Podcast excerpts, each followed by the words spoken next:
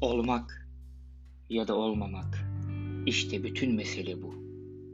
Düşüncemizin katlanması mı güzel zalim kaderin yumruklarına, oklarına, yoksa diretip bela denizlerine karşı dur yeter demesi mi? Ölmek uyumak sadece. Düşünün ki uyumakla yalnız bitebilir bütün acıları yüreğin. Çektiği bütün kahırları insanoğlunun. Uyumak ama düş görebilirsin uykuda o kötü. Çünkü o ölüm uykularında sıyrıldığımız zaman yaşamak kaygısından ne düşler görebilir insan. Düşünmeli bunu. Bu düşüncedir felaketleri yaşanır yapan.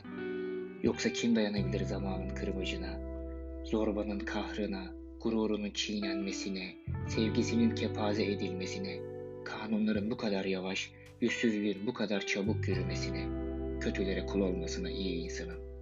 Bir bıçak saplayıp göğsüne kurtulmak varken. Kim ister bütün bunlara katlanmak? Ağır bir hayatın altında inleyip terlemek.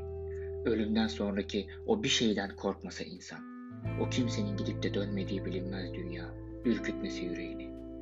Bilmediğimiz belalara atılmaktansa çektiklerine razı etmesi insanları. Bilinç böyle korkak ediyor hepimizi. Düşüncenin soğuk ışığı bulandırıyor yürekten gelenin doğal rengini. Ve nice büyük, yiğitçe atılışlar yollarını değiştirip bu yüzden bir iş, bir eylem olma gücünü yitiriyorlar.